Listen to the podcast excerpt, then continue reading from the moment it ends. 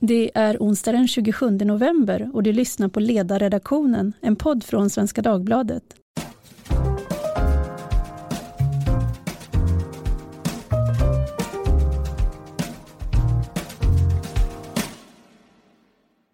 Jag heter Tove Livendal och i denna gråa novemberdag ska vi prata om bidragsfusk. För ingen har nog missat den pikanta nyheten om Najaf al-Shamari, Iraks försvarsminister som har dubbelt medborgarskap i både Sverige och Irak, misstänks för att ha begått brott i båda länderna.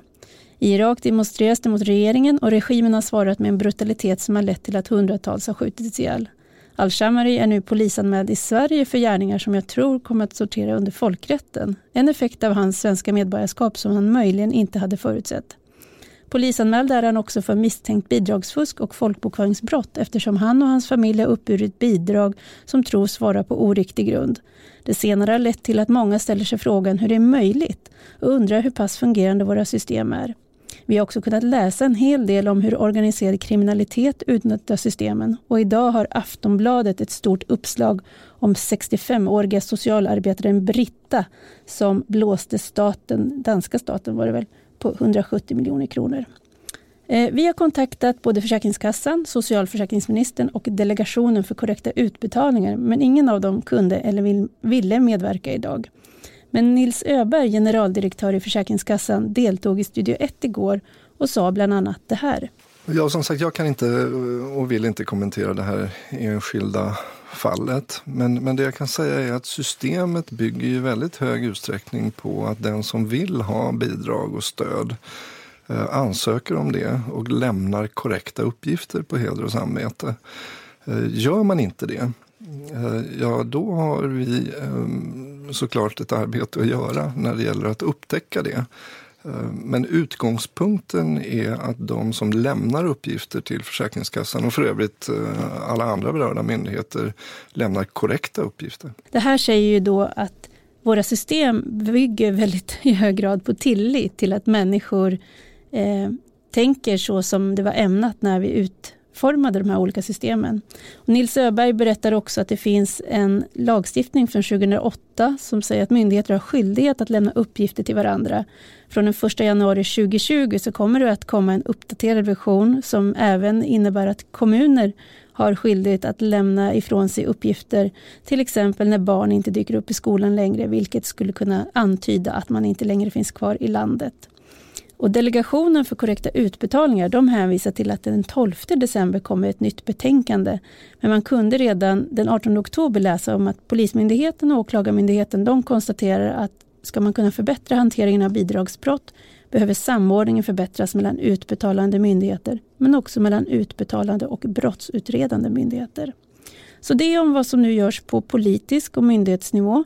Men idag ska vi tala mer om vad som rör sig på den nivån där missbruket av systemen sker, bland de som bidragsfuskar. Här i studion med mig sitter journalisten och aktivisten Nori Kino som för ledarsidans räkning tidigare har skrivit om olika dimensioner av systembedrägeri, bland annat en mycket uppmärksammad artikel om en man som lever i Sverige under åtta identiteter. Välkommen Nori! Tack! På telefon har vi också med oss integrationspolisen Ulf Boström som även är fullmäktigeledamot för Demokraterna i Göteborg och just nu har parkerat sin bil längs motorvägen, hoppas jag på ett lagligt sätt, eftersom han är på väg från Göteborg till Vänersborg där han ska föreläsa. Välkommen! Tack så mycket! Vilka är det du ska föreläsa för? Det är för eh, asylsökande på eh, Migrationsverkets eh, boende i Vänersborg. Och hur många är det du ska träffa? De är 700 eh, ungefär på, på boendet och eh, lite osäkert hur många jag ska träffa men den här gången är det kanske runt 40 stycken. Och vad ska din föreläsning handla om? Jag har eh, efterhört vad som är de mest angelägna frågorna och det rör då familjerna och att föräldrar är oroliga för sina barn Eh, som då kommer i kontakt med eh, kriminella och att de kriminella kan dra in barnen i en sådan verksamhet som skadar barnens framtid. Eh, och eh, eh det handlar givetvis om eh, om det här eh, samhället och hur de ser på sin eh, situation. Så att eh, de kommer ställa frågor runt det. Det är svårt för mig att säga exakt.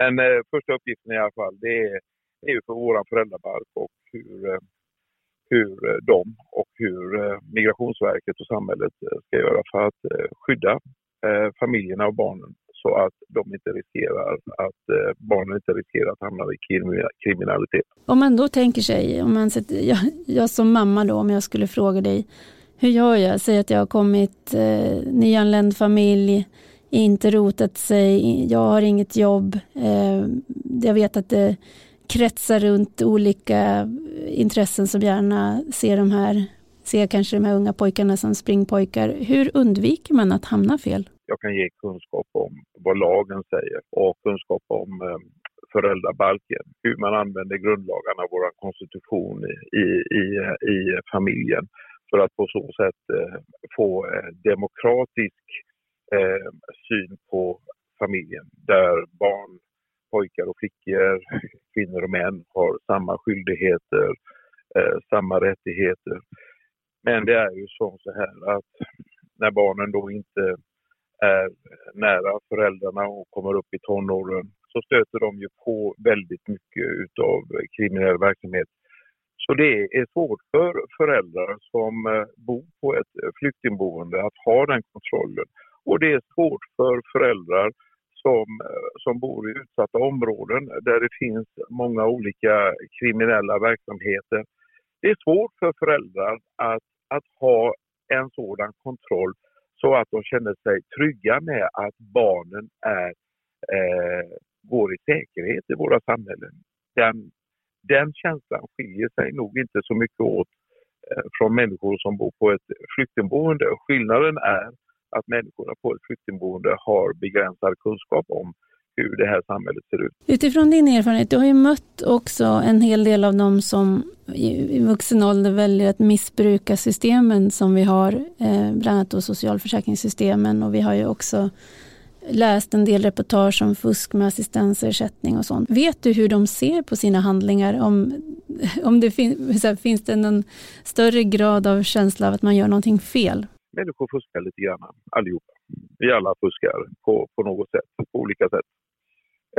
Människor som kommer nya till eh, våra samhälle och inte hamnar i eh, arbete och inte får en, en bra utveckling.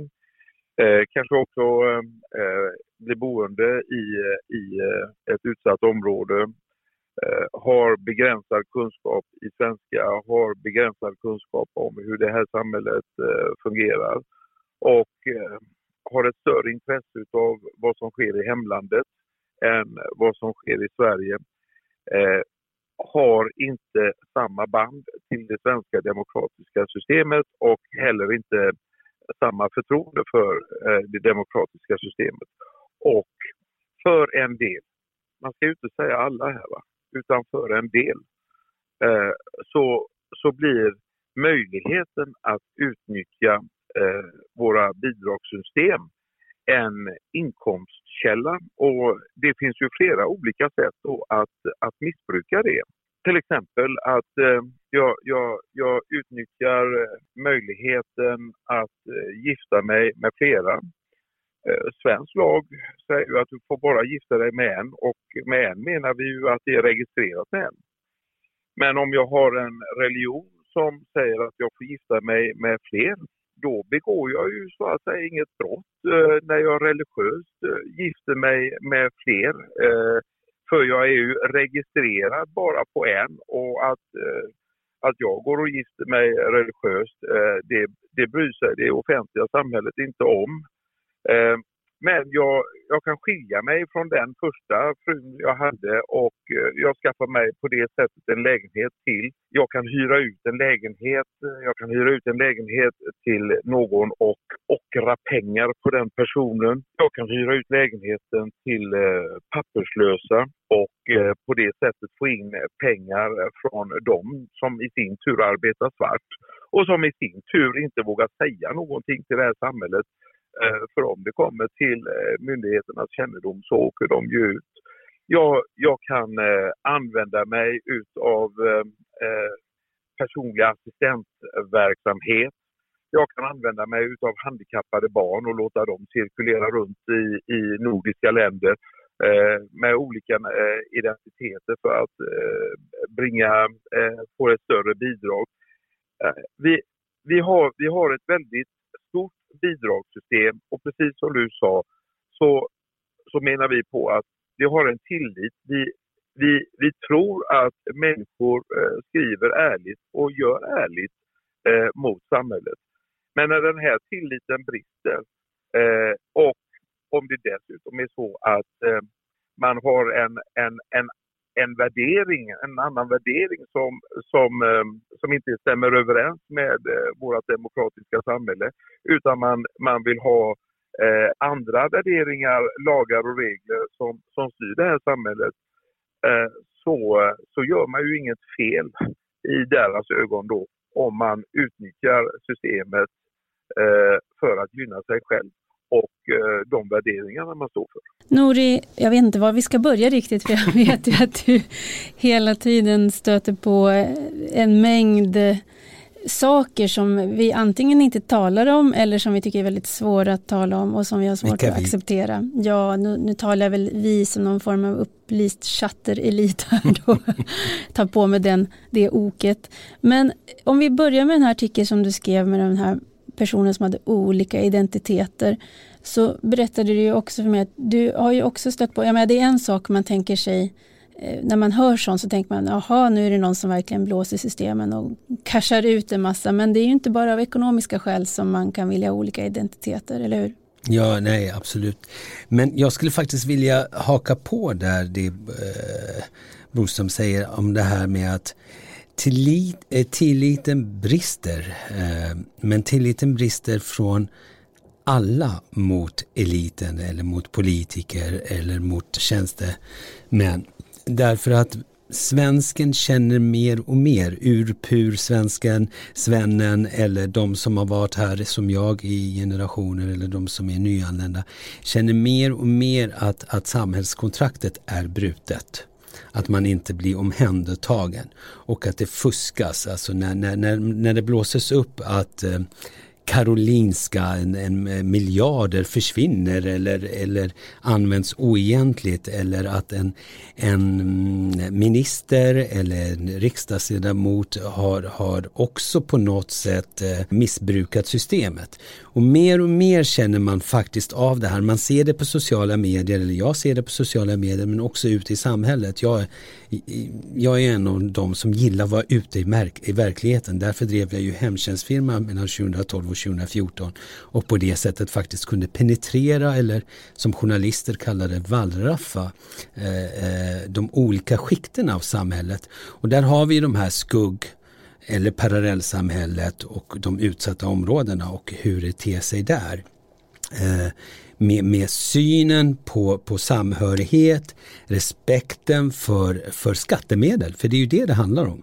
Respekten för skattemedel, det är ju någon annan som har betalat för att någon ska kunna fuska. Och det här bottnar ganska mycket i att vi har i Sverige mer och mer förlorat samhörighet. Vi får inte vara stolta svenskar. Vi ska helst inte sjunga nationalsången finns det de som tycker för det, för det kan såra eller kränka någon annan. Men det är ett helt felaktigt sätt att se på sin samtid och på sin samvaro på medmänniskor. Det är när vi har något som enar oss eller när vi har gemenskap som, som vi känner respekt för varandra och där vi också kan stoppa den ganska farliga utvecklingen, eller mycket farliga utvecklingen.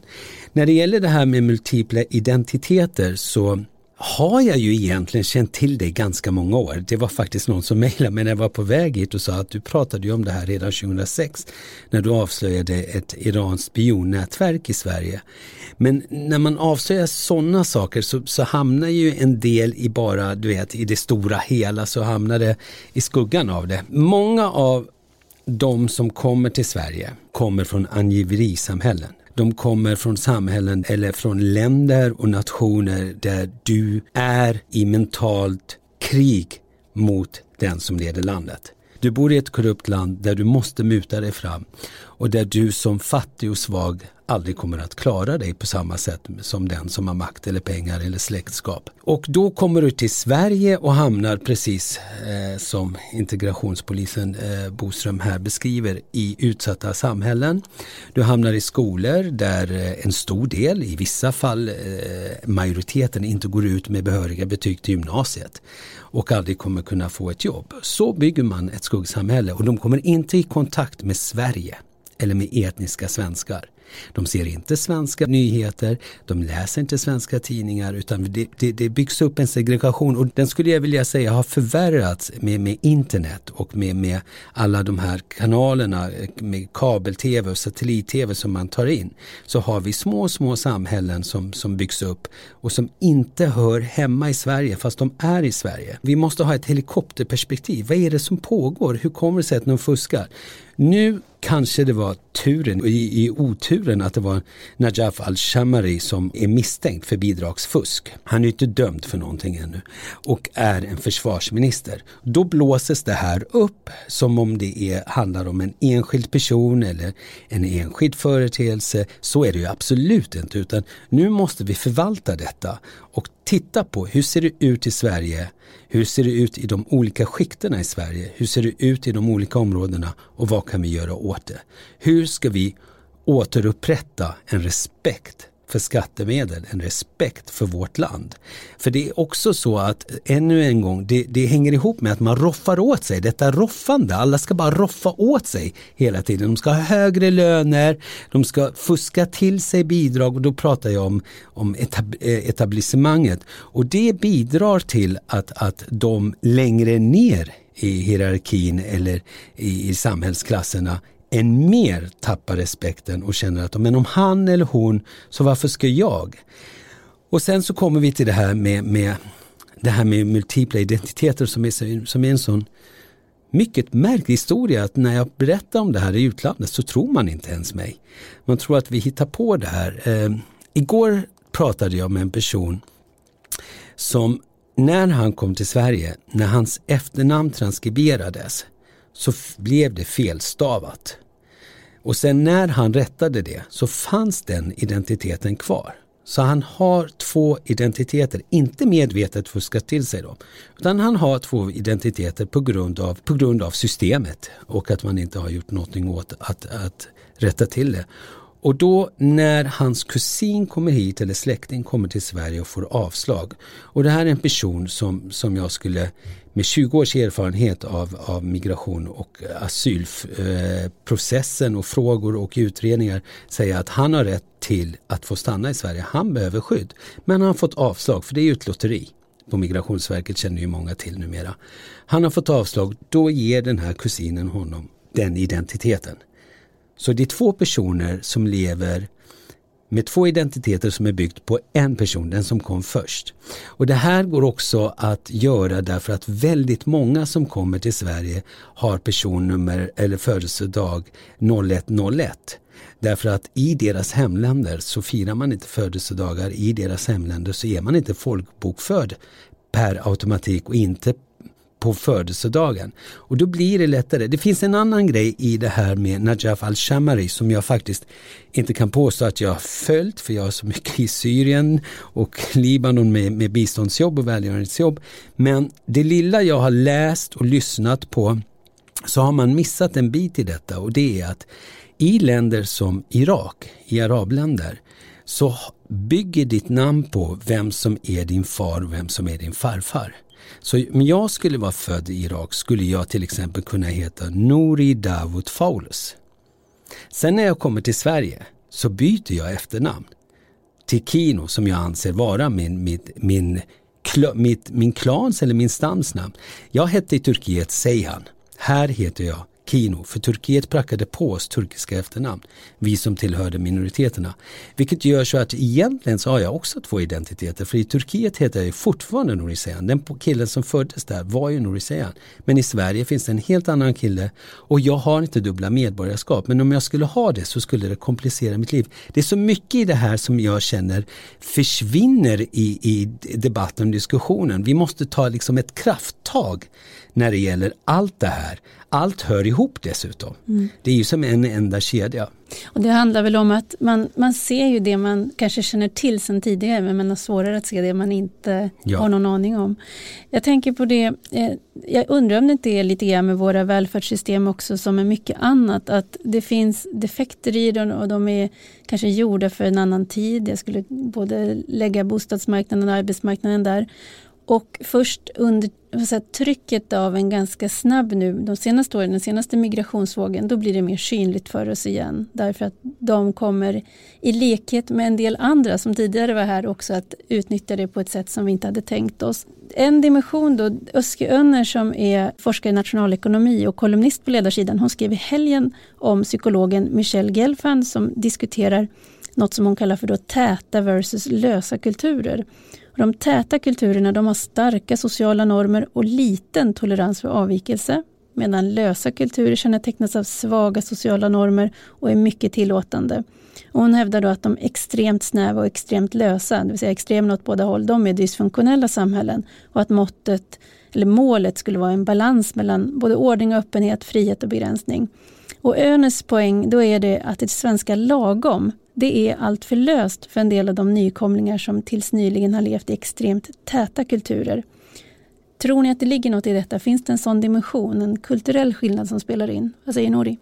Jag tror inte, jag vet att det är så. Jag eh, sa redan 2004, eller skrev också, att det är oerhört viktigt att nyanlända lär sig de svenska normerna, de svenska värderingarna och de svenska lagarna. Och allt det här går ihop. Nu bråkar man ju om vad som är värderingar, normer och lagar och det är väldigt barnslig och otroligt ytlig diskussion som jag inte ens orkar ta som finns på vissa ledarsidor. Det här är Sverige, så här funkar det. De här pengarna, de här SOS-bidragen, det här bostadsbidraget, det här barnbidraget kommer från skattemedlen som någon betalar in. Vi måste alla bidra. Du har rätt till försörjningsstöd när du inte kan försörja dig själv och din familj. Och det är vi väldigt glada över att man kan dela på det. Du har rätt till sjukpenning när du, när, när du är sjuk.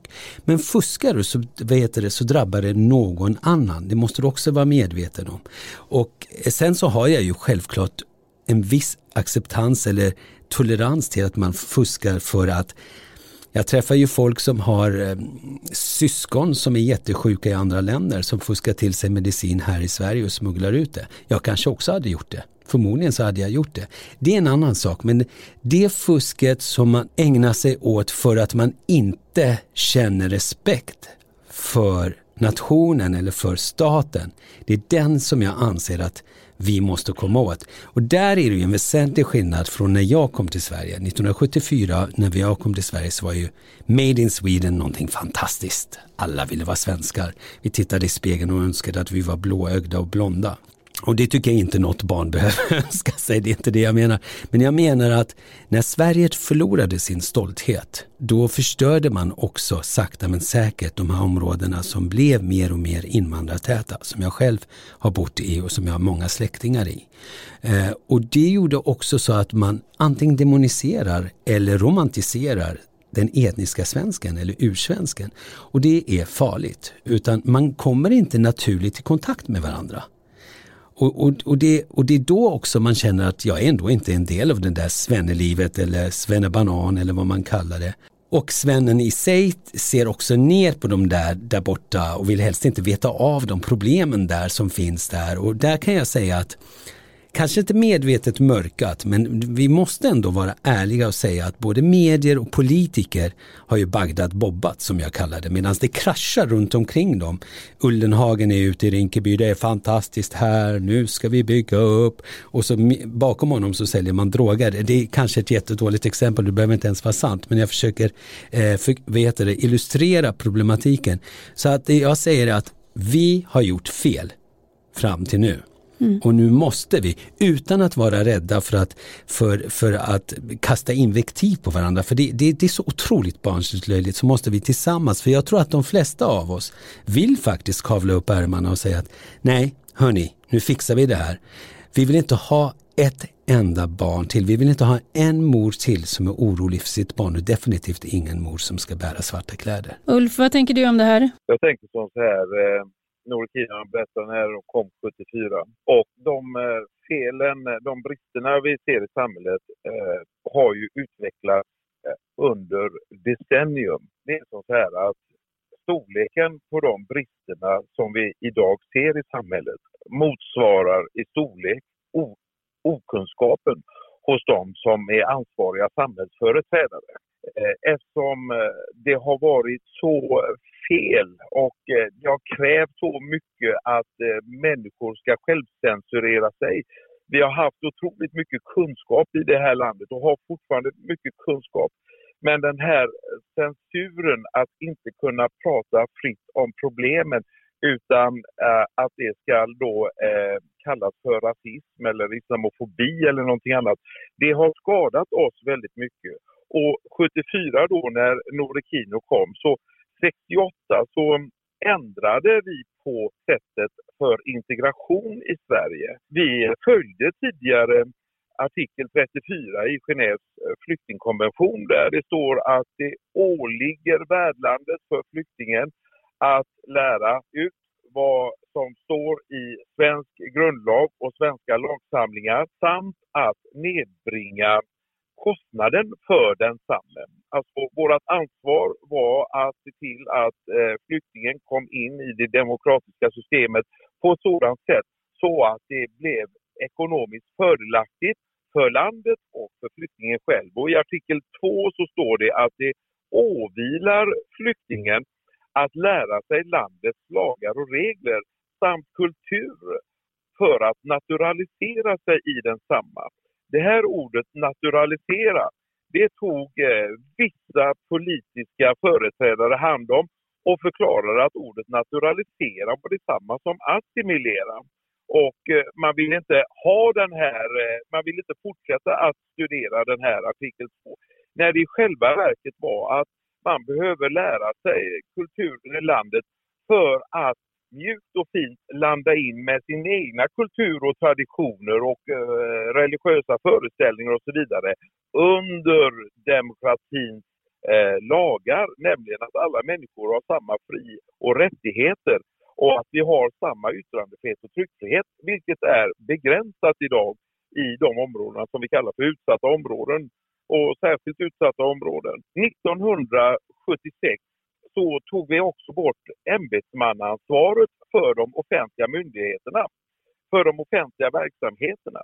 Eh, vilket innebar att du inte längre hade ansvar och när du hade gjort tillräckligt stora fel så, så kunde vi dessutom belöna det med fallskärmar för man tog efter den, den, det privata systemet att ge eh, ledare, företagsledare, VD och så vidare när de så att säga avgick från, från eh, sin, eh, sin verksamhet en fallskärm. Det måste finnas ett ansvar. Varje offentlig verksamhet eh, omgärdas utav ett reglemente hur de ska följa eh, och fullgöra sin verksamhet.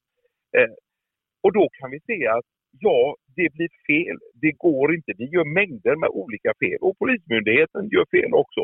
Men det största felet är att vi inte har gett människor som kommer till det här landet möjligheten att få, leda, få reda på vad är demokrati och vad är det för lagar och regler som styr upp och som faktiskt ser till att det blir en demokrati. Vi hoppas att det finns många som lyssnar på detta. Eh, det kom nyligen en dom i Högsta förvaltningsdomstolen som säger att Försäkringskassan måste betala ut stöd även om det finns bevis på att personer kopplade till bolag som inte borde bedriva verksamhet. Nu har Försäkringskassan begärt förändring på den här punkten och det är väl bara en illustration på att signalerna från våra olika system är högst oklara. Vi ska runda av och det gör vi med att tipsa om morgondagens läsning signerad Claes Arvidsson om den så kallade Trygdeskandalen som nu rullar upp i Norge där minst 48 personer har dömts, i vissa fall då upp till ett halvår i fängelse för bidragsbedrägeri.